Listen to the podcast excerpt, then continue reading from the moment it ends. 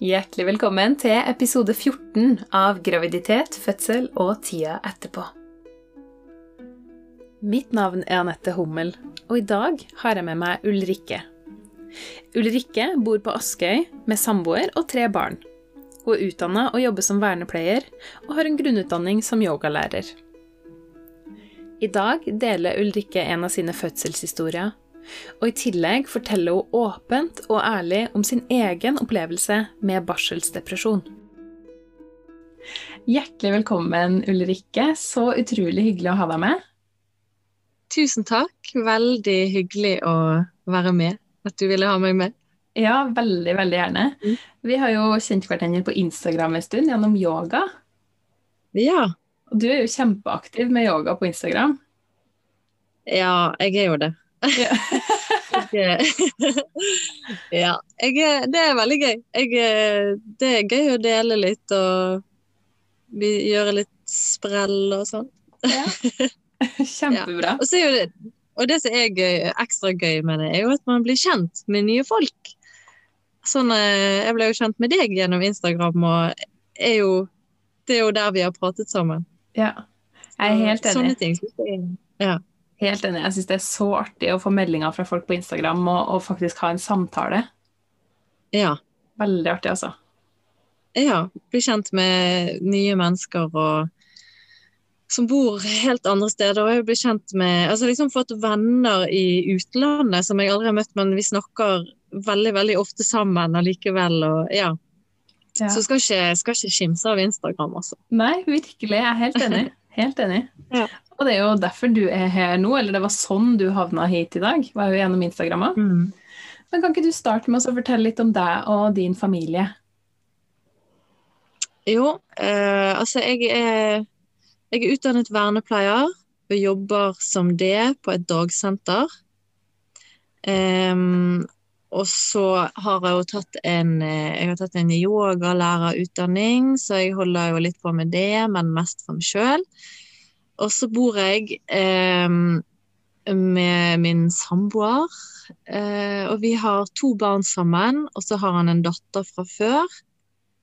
Eh, ja, og livet er Ja, det er, det småbarnslivet. Full pakke med det. Lite søvn og eh, ja. Springe i barnehage og springe på jobb og springe hjem igjen og hente de, og så ja, prøve å ha god stemning. ja. Det høres ut som et helt vanlig småbarnsliv. Ja, vel, det er veldig vanlig A4 småbarnsliv. Det, jeg har ingen uh, unike eller uh, spesielle utfordringer.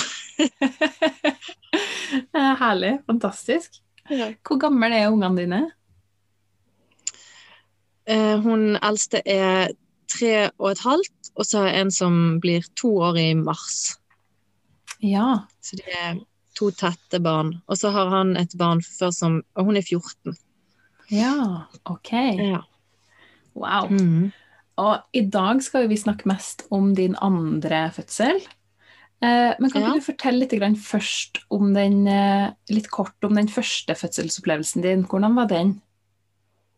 Ja, jeg kan prøve å være kort. Jeg har en tendens til å bli veldig lang i uh, mye, mye si om fødsler.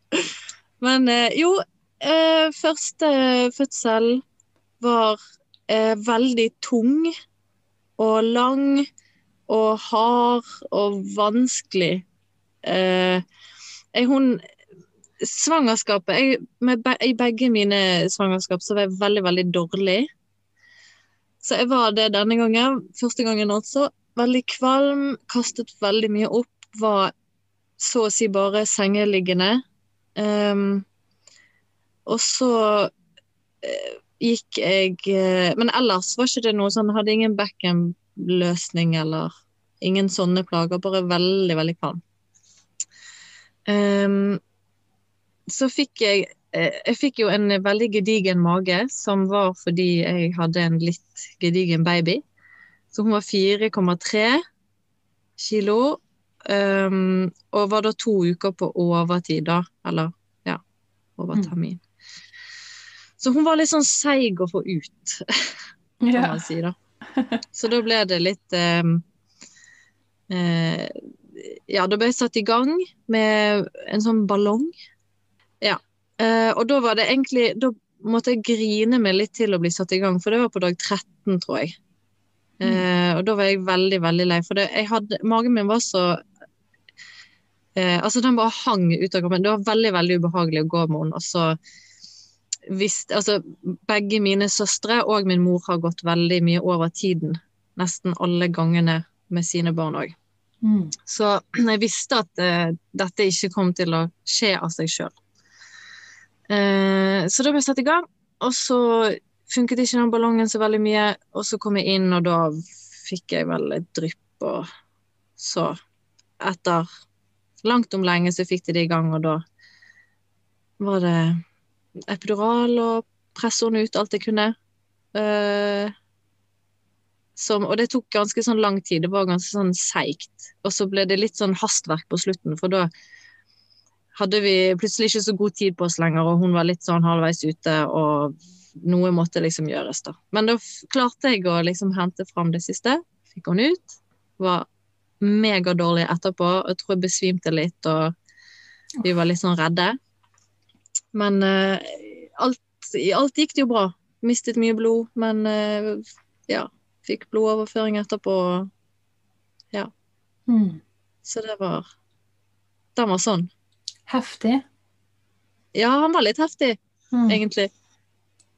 Men, Hva satt du eh, igjen med etterpå, da? Hvilke, hvilke tanker og følelser satt du igjen med etter den fødselen? Ja, altså det, det er vanskelig å si.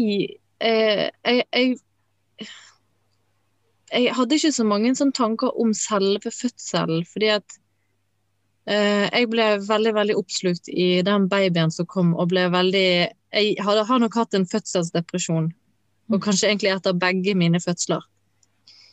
Så jeg Fødsel var helt sånn jeg, jeg husker at jeg sa at jeg aldri mer skulle føde. um, men akkurat det glemte jeg ganske sånn kjapt, da. Mm. Uh, og så gikk jeg litt inn igjen Gikk jeg inn i tiden etterpå, og altså det var mye vanskeligere for meg enn å føde. Så å føde var egentlig noe jeg sånn I ettertid satt jeg veldig igjen med en sånn følelse av at det var ganske fantastisk. Følte meg ganske sånn episk når jeg hadde født. Ok, også etter den første fødselen. Ja, egentlig. Altså selv om det var litt sånn der Oi, OK, det var sånn det var. Men eh, ja, jeg, jeg er litt sånn at jeg kunne ha født veldig mange ganger til. Ja, Men jeg, så bra, da. tror ikke jeg har Jeg kan ikke ha flere barn, tror jeg. Men uh, ja. Jeg, altså, fødsler er jeg veldig fascinert av, og ja, Mm. selvfølgelig når det går bra. Ja. Men tida etterpå, den var, den var tøff, og det var den med begge, forstår jeg. Ja. Ja. Ja. Men på to forskjellige måter, da. Ok. Vil du si litt Mm. om hvordan det var etter den første? Ja, jeg ehm, jeg, jeg tror jeg syns det var um, Altså, jeg tror jeg ble veldig sånn sjokkert, på en måte, over uh, Jeg ble veldig sjokkert over hvordan det var å få en baby, liksom. Jeg, jeg husker at når jeg var oppe på føden, så hadde ikke jeg hadde ikke lyst til å reise hjem. Og jeg eh, Jeg klarte ikke Altså, jeg sov kanskje Altså, det var snakk om noen minutter, og jeg var der i tre dager. Jeg klarte ikke å sove. Fordi at jeg, var så, jeg måtte følge med på den babyen hele tiden. Og når de snille jordmødrene tilbød seg å ta henne inn til seg, så klarte jeg ikke å sove da heller. Fordi at herregud, det er en baby her som skal ha meg Mm. resten av livet, på en måte. Ja. Ja. Så jeg gikk veldig inn i det, og så var det jo Ja, du er jo helt sånn Du er, du er jo litt sånn sprø etter du har født. Du, det er litt sånn ko-ko tilstand. Måte, du, du sitter der med noen i nevene, og du vet ikke hvem de er, på en måte. Og, og hva Og så har livet bare blitt snudd opp ned på noen timer, liksom. Mm. Ja, det er veldig sant. Så tror jeg sant. jeg Altså. kjente mye på det. Ja. Ja. Hvordan var det etter at du kom hjem fra sykehuset, da? Ehm, Altså, jeg, jeg var veldig oppslukt i, i hunden, da. Um, altså, i, altså Elinor heter hun. og Jeg var veldig oppslukt i hunden og veldig sånn Passet på henne hele tiden og masse sånn kos og hygge med det. Men jeg var òg veldig, veldig lei meg. Og husker at jeg grein veldig, veldig mye. Og var veldig uh, jeg, jeg, altså, jeg var veldig redd for å et, eh, det der med å holde babyen sin i live, på en måte. Altså, hun var jo en kjempefrisk baby, og ingenting som skulle til. som hun spiste jo som bare juling og var i kjempeform. Men eh, det er jo det der instinktet som bare Jeg vet ikke, tok helt overhånd, kanskje. Mm, ja. Og så var det litt sånn brystbetennelse. Ja, litt sånn forskjellige ting som gjorde at det ble tungt, da, i begynnelsen. Rett og Ja. slett. Mm. Og når, når ble det bedre? Gikk det over? Fikk du hjelp? Jeg har, eh, jeg har jo en veldig, veldig eh, fin og stor og nær familie rundt meg. Eh, jeg har to søstre og en bror, og så en, en mor som eh, som de var, de var veldig obs på dette her og så det veldig, veldig tidlig. Så de Mm. var veldig mye innom og tok vare på meg. Men jeg tror absolutt jeg kunne mm, delt litt mer av det med helsestasjon og sånn, og kanskje fått litt oppfølging. Tror jeg definitivt at jeg Det angrer jeg litt på at jeg ikke gjorde. Mm. Men det er veldig vanskelig å være klar over det sjøl når du er i det, da. Ja. At du kanskje er fødselsdepresjon. Altså du har en depresjon. Mm. Så ja, jeg vet ikke om jeg Altså, jeg tror det bare gradvis gikk over etter hvert som du på en måte blir litt sånn tryggere i rollen din, og du skjønner at babyen din Altså at de at de lever og er friske, og det, det er ikke på en måte Det går ikke an å, å leve med Altså, jeg kan huske en, en gang når hun var Da var hun veldig, veldig liten, altså hun var nyfødt, og da var hun veldig dårlig og kastet opp mye. Og da husker jeg at jeg ble så redd at jeg tenkte at altså, jeg, jeg, jeg tror ikke jeg kan ha henne, fordi jeg er så redd for henne. Altså, jeg, så, jeg går helt i oppløsning når hun bare er litt dårlig. Altså, hvordan skal jeg leve på det? Skal jeg leve sånn resten av livet mitt? sant? Mm. Med skyhøy puls hele tiden for at jeg skal miste henne. Ja. Men så etter hvert så blir jo du liksom Så lander jo du litt mer i det og skjønner at det, sånn går ikke det. Det går ikke an å leve sånn, og det går ikke an å tenke sånn hele tiden. Mm. Men eh, mm. Fint. den er jo litt sprø, som jeg sa. Ja. Men det er jo mye, det er jo heftig, det er jo mange hormoner, og så er det jo en stor endring i livet også. Så det er jo ikke så veldig rart at man får en, en stor reaksjon på det. Mm. Jeg tror det er ganske naturlig. Ja. Ja, det tenker jeg òg. At uh, Ja. Altså, noen ganger blir jeg litt sånn Jeg har mange ganger tenkt at jeg liksom Jeg syns ikke jeg hører så mange snakke om at eh, Altså snakke om hvor vanskelig det er å få en baby, da. Mm. At det, det kan være ganske sånn uh, Ja, altså, du, du aner jo liksom ikke hva du holder på med. Og eh, ja, og du er livredd. Mm. Og bare egentlig bare går i mørket der en stund og ikke vet helt hva du skal ta deg til, liksom. Mm. Eh, og så ble jo du gravid igjen. Hvor gammel var eldstemann da? Ti-elleve måneder. Ja.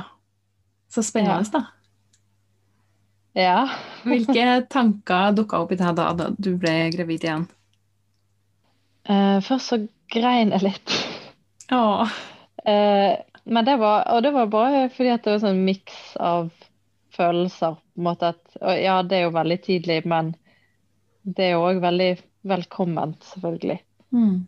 Så, og akkurat da var jeg på ferie på Kreta når jeg fant ut at jeg var gravid, for da begynte jeg å plutselig bli så kvalm. Og da skjønte jeg at eh, det her var ikke Det var ikke bare noe jeg hadde spist. det, var, det var noe annet. Ja. Ja. Så da Ja, var liksom midt i ferien der på Kreta og måtte legge om litt. Så Mhm. det, ja. Ja, det må man jo da. ja. Men jeg, jeg hadde ikke så mye andre tanker eh, om liksom hvordan det skulle gå, eh, eller altså Det gjør det jo bare. Mm. Det er jo Jeg hadde ikke så mye å klage på, for min mor hun har eh, to barn som er født med ett års mellomrom på dagen. Så tenkte jeg at det må jeg bare Det her får gå bra. wow. Ja. På dagen, faktisk. Stilig. Praktisk. Ja. Ja, ikke sant? Lett å huske bursdager og sånt. ja. Mm, men um, hvordan var det svangerskapet i forhold til det første? Var det ganske likt, eller var det forskjellig? Nei, det var ganske likt. Jeg tror, men jeg tror kanskje det var enda dårligere. Eh, Mm. Altså enda mer kvalm andre gangen, og det varte litt lenger. Så jeg, jeg ble veldig, veldig tynn Mm. i begynnelsen av svangerskapet, for jeg, jeg åt ingenting. Eh, så gikk ned en del kilo, og så skal du være mamma til en ja, en som er litt baby fortsatt. Så jeg, da var jeg ganske, var ganske sliten. Mm. Og da husker jeg at vi snakket litt om, å, om at jeg måtte legges inn, for da begynte jeg å miste så mye vekt. Men eh, så gikk det jo heldigvis greit. Og begynte å Jeg drakk mye Litago. Det var Ja. liksom redningen. Det var det eneste som gikk. Ja, det kan jeg virkelig ikke Ja. se for meg når man er kvalm, at man har lyst på Litago. Nei, vet du hva, det var jordbær-Litago. Det er forferdelig. Og når jeg, når jeg ser jordbær-Litago i dag, så grøsser jeg av tanken på ja, den, den tiden der. Det var tøff. Komisk, den kroppen, altså. ja, veldig rart. Og første gangen hadde jeg ekstremt oppheng på sånn kantalopemelon. Oh, ja. Sånn oransje melon. Jeg var helt koko. Jeg spiste hele tiden og var- ble skikkelig sur hvis jeg ikke fikk det. Spiste hver dag. Det er jo heldigvis ikke det verste man kan spise, da. Nei da, det var ganske greit. Mm. Det var litt verre med den li- litergoen, men da spiste jeg jo heller ingenting annet. Så da, Nei, ikke sant? ja. Man må Ja. jo få i seg noen ting. Ja. Litt energi. Men eh, Ja. Om, bare for å i hvert fall For da var det sånn at da kunne ikke reise meg.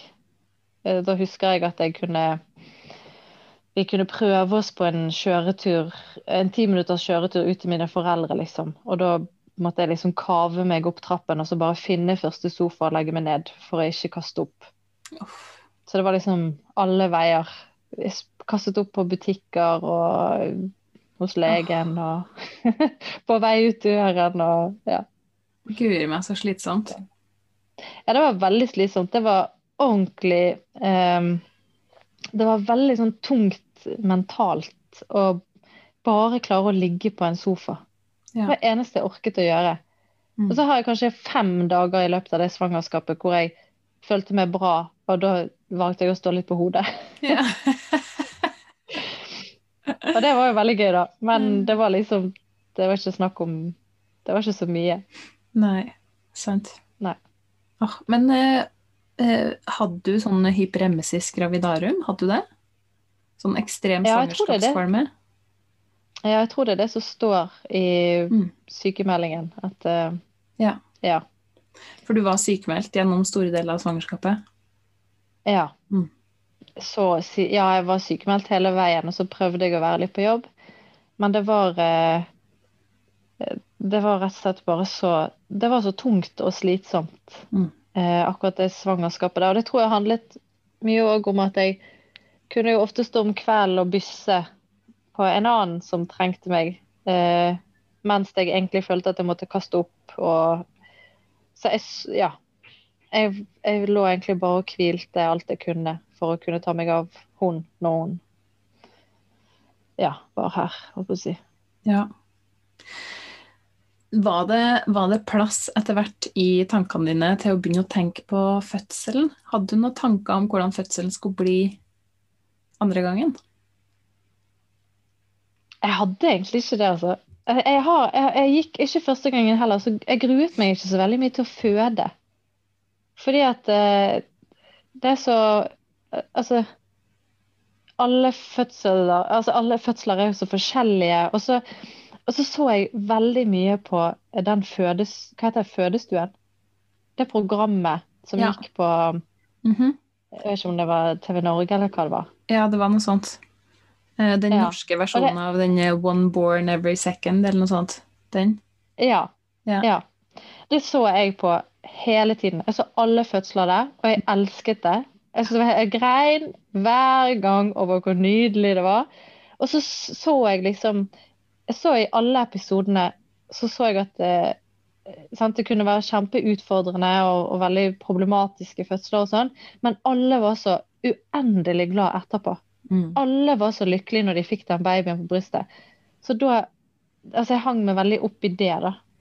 At uh, Jeg betrygget meg veldig med det at man blir så glad når man Eller det ser i hvert fall sånn ut. Det så sånn ut på episoden. Ja. At uh, alle ble veldig sånn Alt bare opphørte når de fikk den babyen. Da var det Mm. liksom over. Da var det helt over. Ja. Så jeg, eh, jeg Det var liksom den jeg hadde fokus på, da. Mm. ja, men så fint. Ja. Det er jo et veldig fint fokus å ha, da. Ja, og så så jeg um, den, Det vil jeg anbefale. Jeg, jeg så hun eh, Sigrid Bonde Tusvik. Hun har en serie på NRK hvor, når hun fikk sin Når hun gikk gravid med sin første, når føtter fødte og sånn. Mm. Og av en eller annen grunn så ga det meg bare så Jeg bare elsket å se på den. Så For hun fint. var hun tok, Ja, hun tok det med veldig mye humor, og så Men veldig ekte hele Vi får se hele prosessen da, og alt. Mm. Eh, ja, så for meg var den bare Jeg så den mange ganger. Så bra. Ja, Ja. fordi, fordi selve fødselen hennes ble filma, ble den ikke det? Jo. Ja, jeg har ikke sett det det. før ennå, jeg må gjøre det, altså. Ja, det må du gjøre. Ja. Det var veldig fascinerende og ekte. Å, så fint. Ja. Ehm, Gjorde du ellers noe fødselsforberedelse? Gikk du på noe kurs, eller leste du noen bøker, eller? Ikke, jeg har ikke lest så mye eh, om det i forkant. Mm, Men jeg, var på sånn fødselskurs i regi av uh, helsestasjon. Mm. Eller det at jeg gikk til jordmor. Det var jo veldig sånn Veldig sånn basic sånn eh, Her er bekkenet, her er hodet til babyen. Det kommer ut der. Ja. Ja. Ganske bankers Mm. uh, opplegg. Ja. ja. Fikk Så du noe jeg ut av det, syns du? Hva sa du? Fikk du noe ut av det, syns du? Ja, ikke sånn at jeg eh, Det, det var litt sånn Det var helt greit, på en måte. Mm. Uh, ja. Var, jeg er glad jeg gikk, men jeg, jeg vet ikke om det gjorde så mye forskjell på hvordan jeg taklet fødsel. Nei. Nettopp.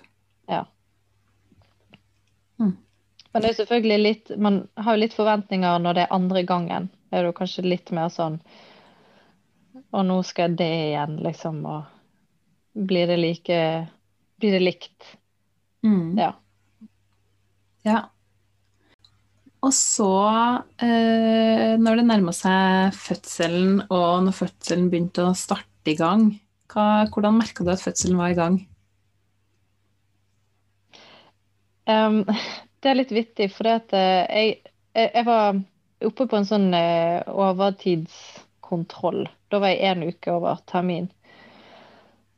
Og da var jeg hos en lege som eh, ikke hadde så mye sympati med at jeg var gått over tiden. Jeg mente at det var ganske synd i meg som hadde gått over tiden, for da var jeg lei igjen. og um, prøvde å, å si at eh, det her kommer ikke til å sette i gang av seg sjøl. Og alle, min, alle damer i min familie går over tiden, og det gjorde jeg forrige gang, og dere må bare sette meg i gang.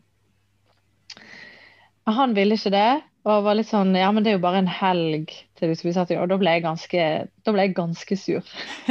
da ble jeg litt sånn Ja, det er kanskje bare en helg for deg, men det er ikke det for meg.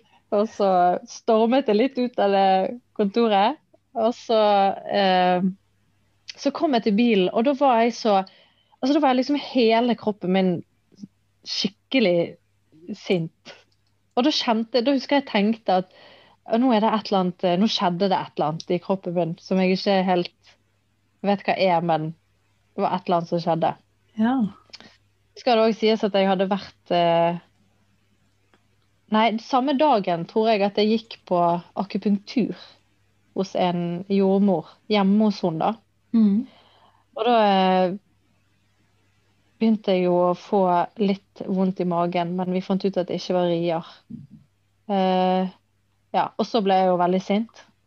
Og så om kvelden, da gikk denne slimproppen, Ja. som jeg ikke har liksom noe forhold til, eller jeg har ikke hørt så veldig mye om han. Og, uh, men jeg skjønte liksom en gang at det var det det var, da.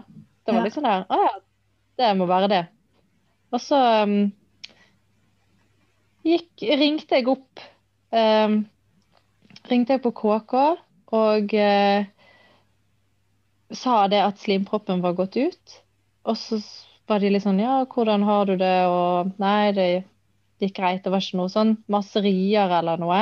Og jeg trodde det egentlig bare var sånn skyndere det jeg hadde. Og så spurte de om jeg var forkjølet.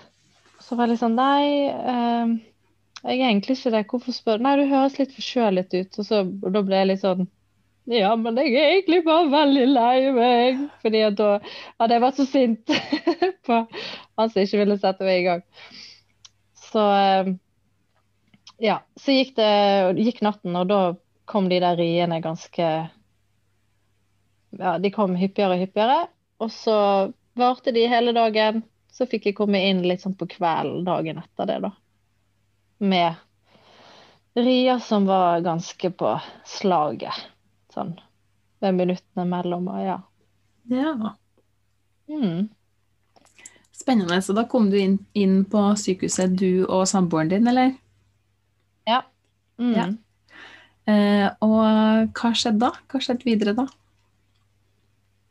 Um, da jeg i, Altså, dagen før, hun som hadde hørt at jeg var litt forkjølet, eller trodde at jeg var forkjølet, det var hun som møtte meg der, da.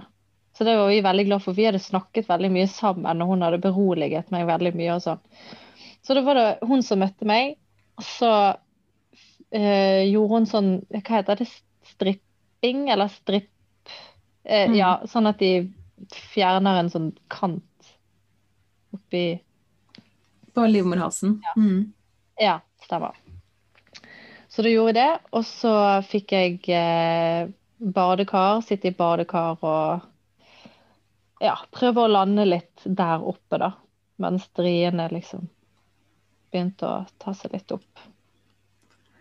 Ja. Ja. så deilig å få lov til å oppe i badekaret, da. Ja, det var veldig eh, Det var veldig greit. Selv om det var Jeg er litt sånn Vi begynte å tappe litt oppi sjøl og justere litt på varmen, og jeg elsker å ha det litt sånn kokvarmt, så fikk vi beskjed om at det kunne ikke du ha. Men det gikk veldig bra. Um, og så hadde vi Det var jo litt sånn spesielt, fordi at um, det, det tok jo litt tid, dette her òg, da, når vi først var kommet opp. Uh, men når vi var kommet opp der, så uh, hadde ikke vi fått kontakt med moren til samboeren min. Vi hadde sendt melding om at nå skulle vi opp der, og nå kom babyen. Så hadde ikke vi fått, vi hadde ikke fått noe svar, vi fikk ikke kontakt med, hadde ikke hatt kontakt med henne hele dagen. Så da begynte vi å bli veldig bekymret. Så satt vi der på føden og egentlig bare snakket om ja, men hvorfor får ikke vi svar, og hva er det som skjer, og man blir redd. Eh, og så var ikke vi så langt unna der hun bor, da. Så da ble vi enige om eh, at han skulle kjøre ned og se til henne. Mhm. Så da ble jeg igjen der, da. Og så satt jeg der med jordmoren. For vi måtte jo, dette, vi måtte jo vite at alt var i orden. Så satt jeg der med jordmoren, og så var jeg litt sånn Skulle jeg ha hatt noen her med meg, eller skal jeg ringe til noen andre som kan være her når jeg skal føde? Så var det sånn Ja, det kan jo være greit å ha noen du kjenner. så det var litt sånn OK. Så måtte jeg sende, sendte jeg melding til søsteren min og var litt sånn ja, kan være du må komme opp her og være med på fødselen min, liksom. Og hun var jo veldig klar, da. Mm. Så bra. Og, men, men så hadde han fått beskjed akkurat når han hadde skutt ut fra parkeringsplassen at eh, alt var bra, så da snudde han og kom inn igjen. Ja, så bra. Ja. Så det var Ja. Hva slags eh, planer hadde du, eller tanker hadde du rundt smertelindring den gangen her? Jeg, Altså, jeg hadde bare veldig fast i minnet den første gangen og var ganske klar på at jeg ville ha epidural Mm. denne gangen òg. Eh, men jeg, jeg tror kanskje ikke at eh, jeg, ikke, jeg tror ikke de ga meg det Altså, jeg tror ikke de ga meg så veldig mye, eller at det, det virket kanskje ikke så bra, fordi at det, det var en ganske annerledes smerteopplevelse. Det var en veldig sånn detaljert smerteopplevelse denne gang i forhold til første gangen hvor jeg Altså, det var vondt, men det var mer et sånt trykk og et sånt press. Mens denne gangen var det på en måte forferdelig smertefullt. Å ja. Oi. Ja, sånn i underlivet, da. Mm. Så jeg, jeg følte liksom ikke at jeg hadde noe effekt av den epiduralen andre gangen. Mm. Og merket heller ikke så veldig mye til den etter fødselen. OK. Så den har Ja. ikke virka ordentlig, den, da? Jeg tror ikke det. Nei. Eller så Ja. For det var eh, Det skjer jo noen ganger det at den ikke virker ordentlig. Ja, men jeg er egentlig litt glad for òg, fordi at eh, jeg fikk med meg så veldig mye mer av eh, hele prosessen og liksom Altså etter hvert som de riene begynte å komme tettere, så skal jeg, vi satt, jeg satt og gynget på en sånn ball. Eller satt og humpet på en ball, og så satt vi og prekte om jobb. Meg og samboeren min og jordmoren og liksom det. Det var veldig sånn avslappet. Og vi bare Ja, ja, han jobber i fengsel, og Å ja, spennende. Ja, det er veldig Og så veldig sånn jeg, jeg tror kanskje jeg må på do nå. Så var hun sånn Å ja, hva må du Skal du tisse? Nei, nei, jeg må ordentlig på do. Og da var jeg sånn Å ja, nei, det, da er det baby. Jeg må ikke på do. Så ja. Da var jeg sånn Å ja, OK. Ja, greit. Så det var eh, Ja. Det var litt bedre enn den første gangen. Ja, så det var rett og slett pressetrang det som kom mens du satt oppå den pallen? Ja, skikkelig sånn Da var helt sånn klinkende klar, bare Ja, der var det. Ja. Så da var det bare å legge seg opp igjen i sengen. Ja. Ja, så du la deg, du la deg oppi senga igjen for å presse? Ja. Mm. Ja. Og da hadde jo liksom Altså, da hadde riene Og det er det jeg Jeg trodde jo ikke at fødsel nummer to skulle Jeg trodde den skulle være veldig lik som nummer én. Mm. så ble han veldig sånn Han ble veldig sånn naturlig sånn etter boken, holdt på å si. Så sånn Der går slimproppen. Så tror jeg Jeg måtte jo ha litt hjelp til å ta vannet, men så kom de der riene ganske sånn som de skulle, på en måte. Og, Mm. Og så kom den der presse skikkelige pressetrangen. Ja. Ja. Og hvordan var det å, å presse da? Jo, eh, selvfølgelig veldig, veldig eh, Altså, det var ordentlig, ordentlig vondt, og jeg skreik så vanvittig mye. Og jeg tenkte stakkar de som kommer inn her. Altså, stakkar de som skal føde, som kommer inn døren og hører at det bare er helt Texas her inne. For det var bare Men det, det var eneste, eneste måten jeg bare klarte å, å presse så mye. Mm. Så de var litt sånn Hun jordmoren som liksom sto nærmest meg, var litt sånn Å, Ulrikke, du, du må prøve å bare Prøv å ikke skrike så mye. Prøv å bruke energien din nedover. Mm. Det klarte jeg i kanskje to sekunder, og så skreik jeg videre. Ja. Og da, da hadde Det var jo sånn blåmerker på samboeren min eh, med kniping og Mm. Ja, jeg husker de var litt sånn Nå må du holde Hold under eh, Altså hold i knærne dine, eller sånn i knehasen der, sant. Mm. Og da var jeg sånn Dere må gjøre det! Du må ta den ene, du må ta den andre. Og så Og ja, det var Ja. Det var artig, da. Ja. Du syns det? Ja, jeg, jeg Altså, det er jo smertefullt og sånn, men, men det er òg veldig fascinerende og eh, Det er jo det råeste jeg har gjort i hele mitt liv. Mm. Og det, det er liksom ingenting som kan toppe de opplevelsene der. Det det er skikkelig sånn Du, du blir sånn urkvinne Mm. som bare Du vet hva du skal gjøre, og du går helt inn i en sånn boble. og Ja, jeg, Det var i hvert fall min opplevelse. da, at jeg Mm. Ja, du bare er der og har en oppgave som må fullføres. Ja. Ja, ja, det er veldig fascinerende, altså. ja det er det. Mm. Og det opplever jeg at et, Eller i hvert fall mange andre kvinner som jeg har truffet som Altså, det virker som at de fleste liker å fortelle om fødselshistorien sin og, og har et behov for å snakke om den. Ja. Og ja. Uansett hvordan den er. Og det er selvfølgelig mange som kanskje opplever det, at de har traumatiske opplevelser, at det ikke er noe lett å snakke om. Men Mm. stort sett så har jeg truffet mennesker som syns at det er veldig sånn godt å få fortelle om det en gang iblant. Ja, jeg er helt enig. Mm. Mm. For uansett, eh, uansett hva slags type opplevelser man har hatt, så er det jo en veldig stor opplevelse, en veldig kraftfull opplevelse. Ja. Mm. Ja, definitivt. Det er så Ja, ja det, er, det er så Uansett hvordan han er og hvordan utfallet er, så det, det er noe som er med deg resten av livet, som, liksom sitter, som blir en sånn del av Del av deg, da. Mm. Ja. Absolutt. Absolutt. Um, hvor lenge varer denne her pressefasen, da, eller følelsesmessig? Hvor lenge varer den? Jeg tror ikke den var så lang nå andre gangen. Det var litt sånn Jeg vet ikke om det var sånn 15 minutter, eller Ja, kanskje noe sånt. Ja. Jeg har glemt det litt. Men det var ikke første gang, det var liksom en time. Ja, Ja, så kom sant? det ut en baby. Yeah. Ja. Så det, det var ganske Ja. Kanskje maks en halvtime, da. Mm. Men det må være maks, tror jeg. Ja. Så det var eh, Det var ganske Det var ganske sånn bankers, Ja. hele den prosessen. Og sånn, der skjedde det, der skjedde det, ding, ding, ding. Ja. Herlig. Ja. Mm. Av en eller annen grunn så var jeg veldig nøye på at samboeren min ikke trengte ikke å se alt der nede, på en måte. At han trengte ikke få med seg alt det, på en måte. Nei. Hele Ja. Men eh, Så det var jordmor som tok imot, og så fikk jeg henne opp på brystet, og Ja.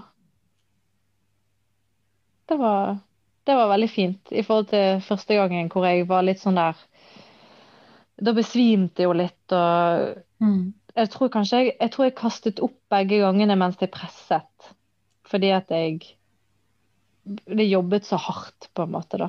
Mm. Så da så kastet mye opp og sånn, men eh, det var jeg liksom ferdig med når jeg altså Andre gangen når jeg fikk henne på brystet, så var det liksom øh, Da var det over. Så kunne jeg være til stede. Mens første gangen så var jeg helt ute, og han måtte sitte med babyen på brystet, og vi var begge litt sånn Hva er det som skjer nå? Ja. Mm. Ja, så det var en helt annen opplevelse i de minuttene og timene etterpå. Ja. Mm. Ganske Ganske annerledes. Og da ville jeg bare hjem. Ja. Ja. Første gangen så var jeg litt sånn Sender de oss hjem med denne babyen? på en måte? Vi vet jo ikke hva vi holder på med. Er det lov? Har vi lov bare ta med oss? Mens andre gangen så Jeg hadde ikke Jeg fikk ikke kommet meg fort nok hjem. Mm. Så da var det liksom noen timer etter fødsel så spurte jeg om jeg ikke kunne være så snill å få reise hjem. ja. Hvor fikk Ja. du det? Eh, ja. De, ja, jeg fikk eh, reise hjem. Men jeg måtte liksom vise at jeg hadde forstått hamburgergrepet med ammingen, og at jeg liksom hadde skjønt det opplegget og sånn. Så da måtte jeg, det var nesten som en sånn liten eksamen at jeg Ja, da gjør jeg sånn, og så gjør jeg sånn, og så legger jeg babyen sånn, og de Ja, ja, OK. Så fikk jeg liksom Ja. Mm. Og hvordan var tida etter fødsel den gangen her, da? Etter at dere kom hjem og hadde en ny baby og, og hadde en ett og et halvt åring og Mm. akkurat det var jeg jo forferdelig bekymret for. At hun skulle Altså at hun første skulle føle på at hun ikke fikk ha mammaen sin. Uh, så jeg, jeg var veldig sånn Jeg var nok veldig sånn stresset og uh, litt sånn Jeg tror kanskje jeg var litt sånn fødselsdeprimert på en annen måte. Jeg var litt sånn sint for at jeg ikke fikk det helt til, og at jeg ikke klarte å være begge steder på en gang. Eh, at du liksom skulle finne ut av ammingen på nytt eh, mens du hadde en liten Altså en ettåring som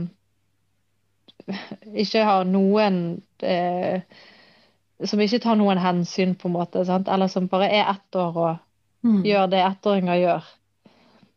Så, så da var jeg ganske sånn Jeg tror jeg var Første gangen var jeg veldig, veldig lei meg og grein veldig mye. Andre gangen følte jeg var veldig sint, veldig oppgitt og litt sånn altså, Jeg fikk for meg at alt var så kavete, men så nå i ettertid så ser jeg jo at at eh, Jeg hadde jo en baby som sov hele natten. Allikevel så var jeg veldig opphengt i sovingen. og liksom Hun sover ikke på dagen, og, men hun gjorde jo det. Så det var veldig jeg, jeg opplevde det som veldig sånn vanskelig å skulle være mor for to, Mm. ikke bare for én. Og ja. Mm. Ja, det er jo en liksom- stor overgang, det også. Ja.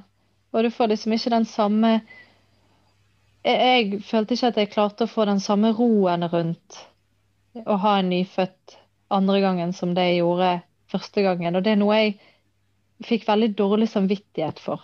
Det er veldig dårlig samvittighet for at hun ikke Med første babyen min så eh, så hadde jeg så forferdelig god tid. Sant? Og det er jo helt fantastisk. Jeg satt bare i sofakroken, hadde en korg med alt jeg trengte ved siden av, og hadde hun på armen og tenkte ikke på noe som helst. Mens andre gangen så var det litt jeg må levere i barnehagen og hente, og hun må ikke føle at hun blir oversett, eller at hun ikke får ha mammaen sin. og Mm. Eh, og så vil de klatre på deg mens du skal prøve å lære deg å amme igjen. Og...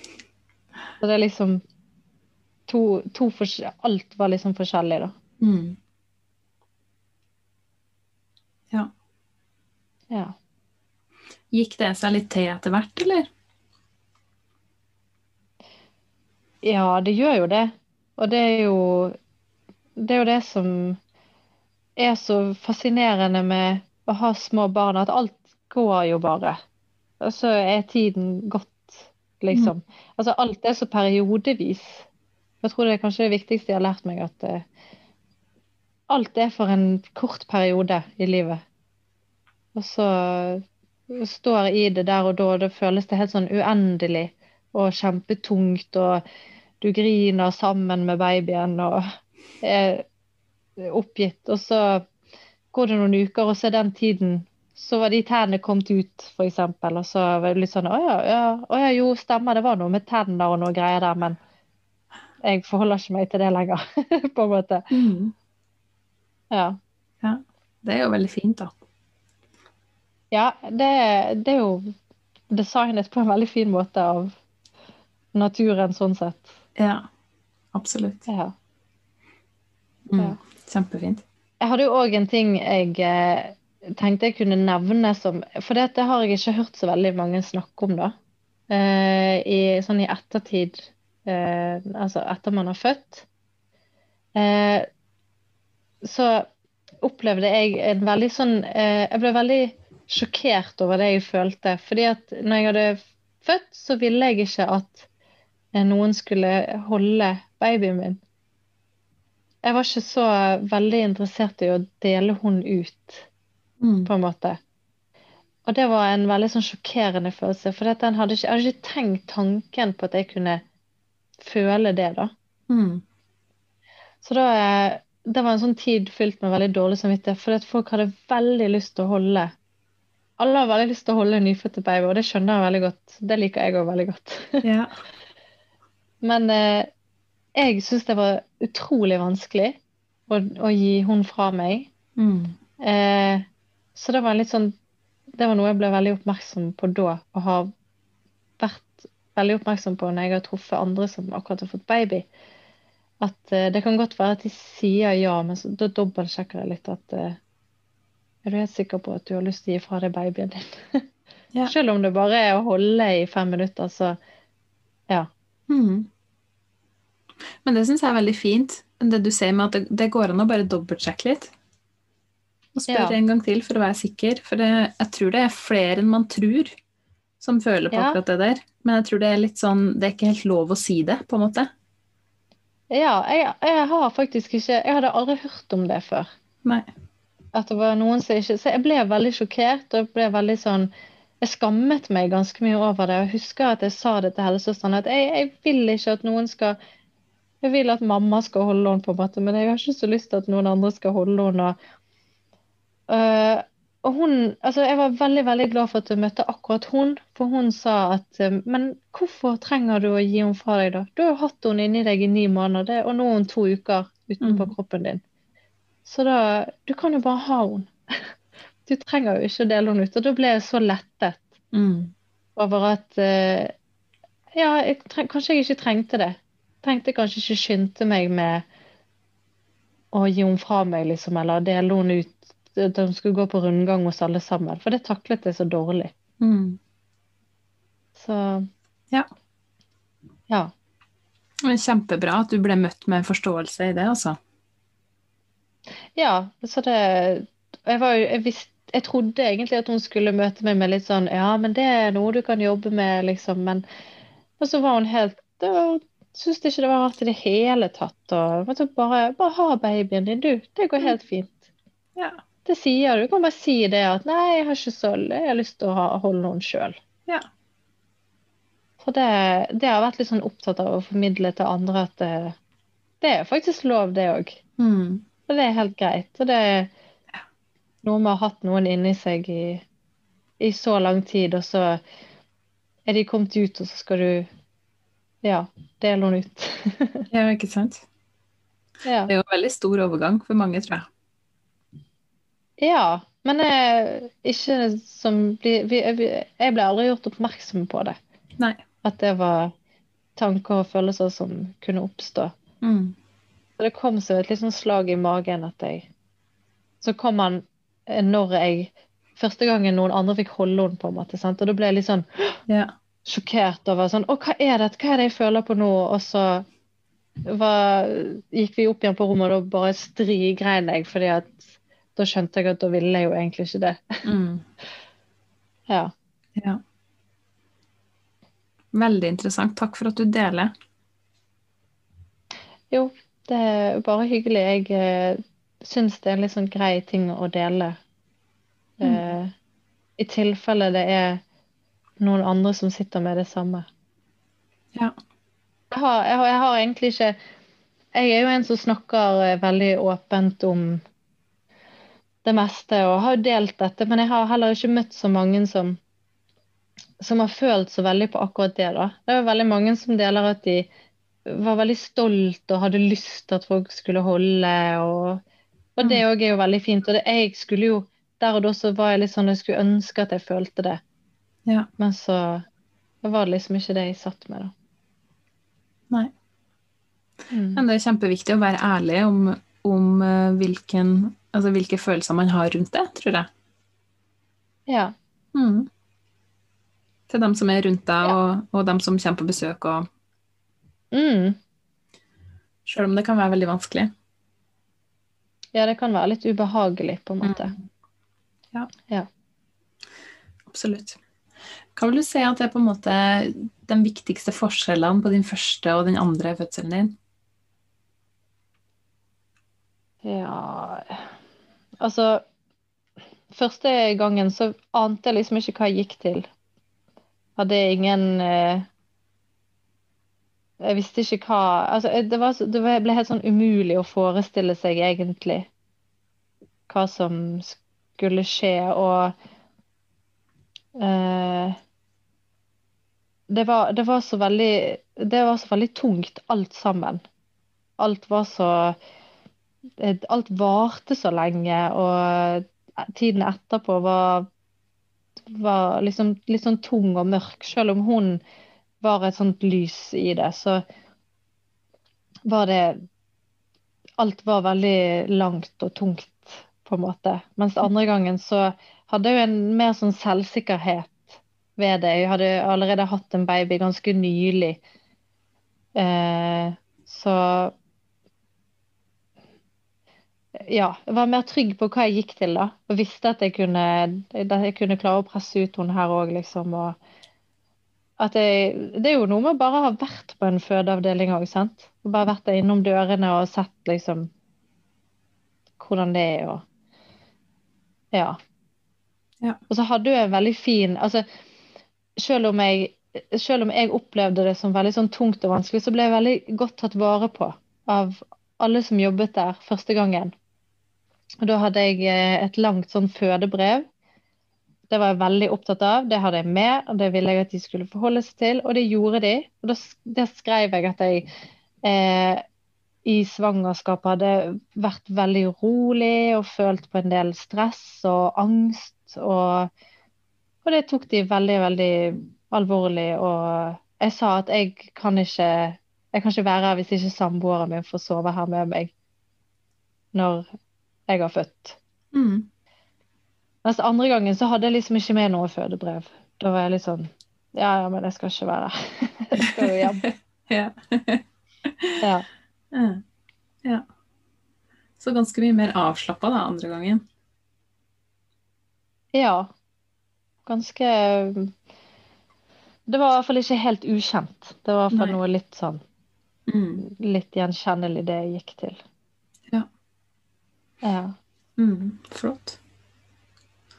Ehm, har du noen ressurser som du vil anbefale til gravide eller småbarnsforeldre, annet enn dem som du allerede har nevnt? Det Kan være bøker eller nettsider, podkast, hva som helst. Denne podkasten her vil jeg anbefale. jeg, så jeg var jo veldig eh, Jeg meldte meg inn i den ammehjelpen, f.eks. Mm. Eh, men jeg, har ikke jeg har ikke jeg har ikke lest så mye bøker om det, og jeg har egentlig Kanskje jeg har unngått de tingene litt, da. Eh, men det er fordi at jeg ganske fort skjønte at eh, for meg blir det litt Det er veldig mange som har veldig mye meninger om fødsler, f.eks.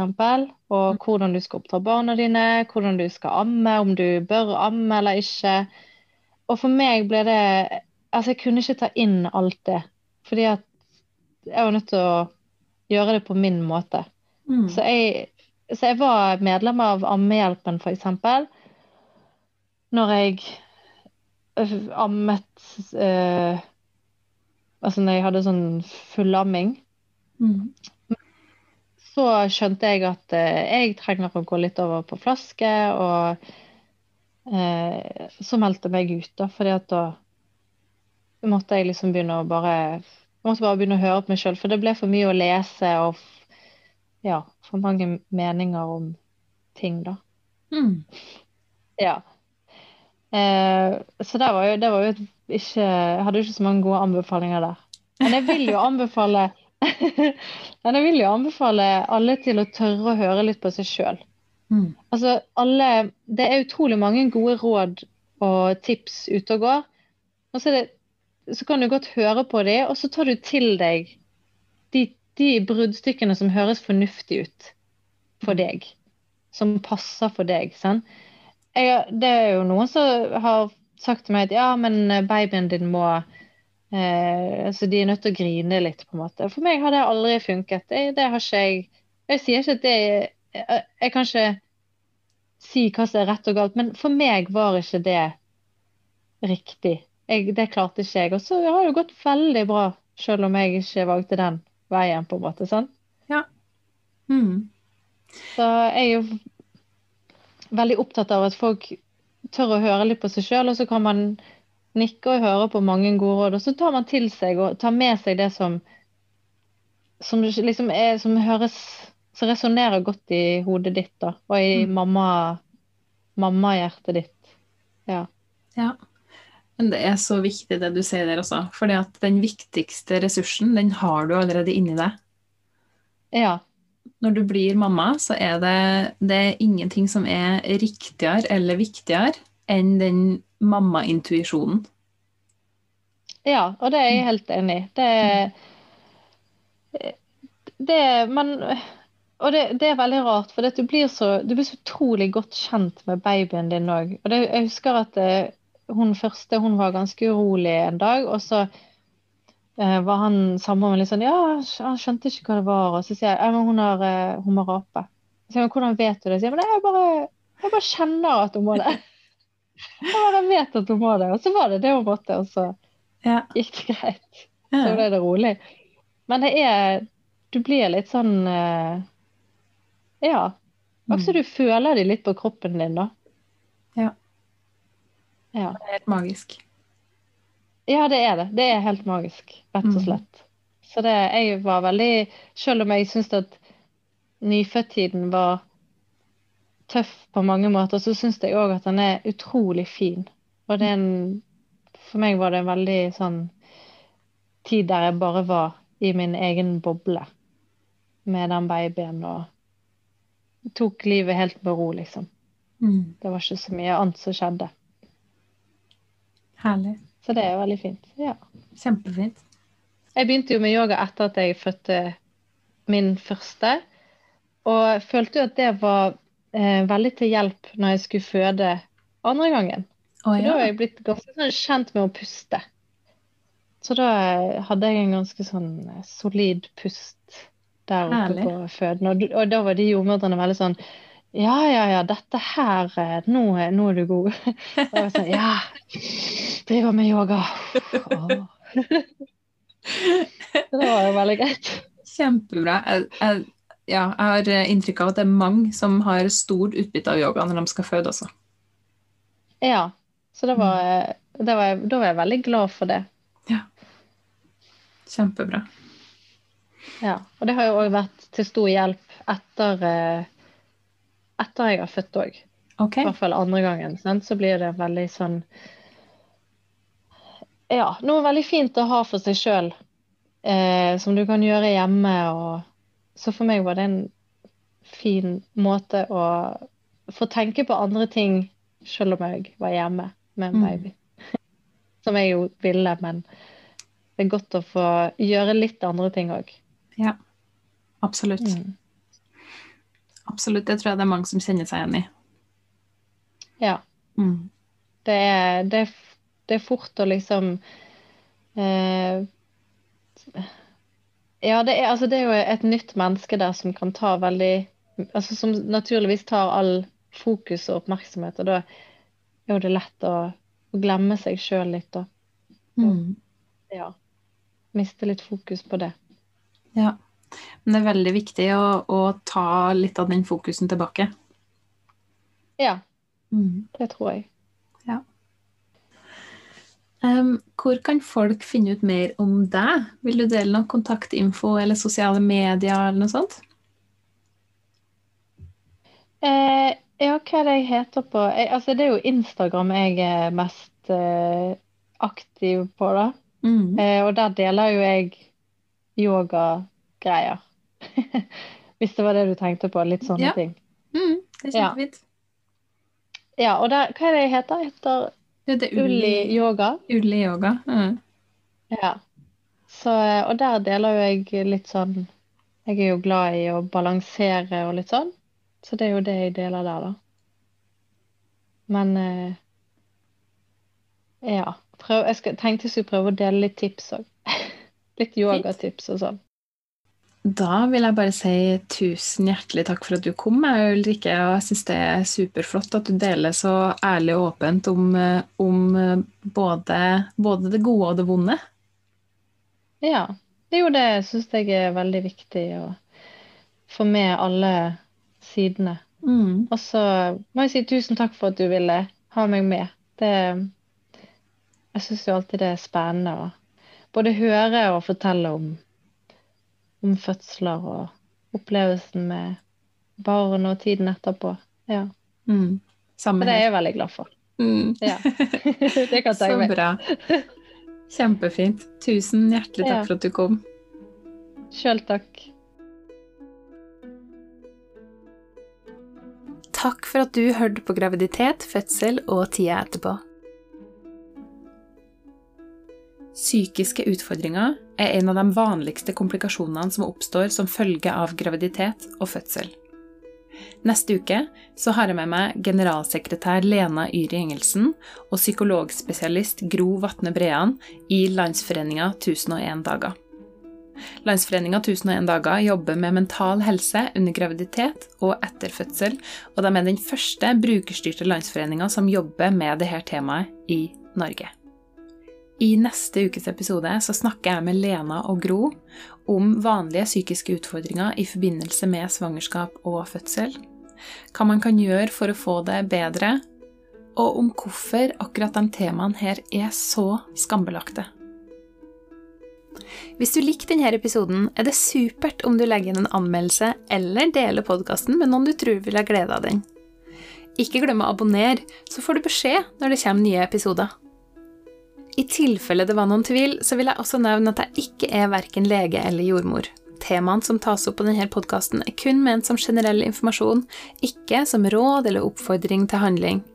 Hvis du har spørsmål eller bekymringer når det gjelder din egen eller ungene dine sin helse, så vil jeg på det sterkeste anbefale at du snakker med legen eller jordmora di.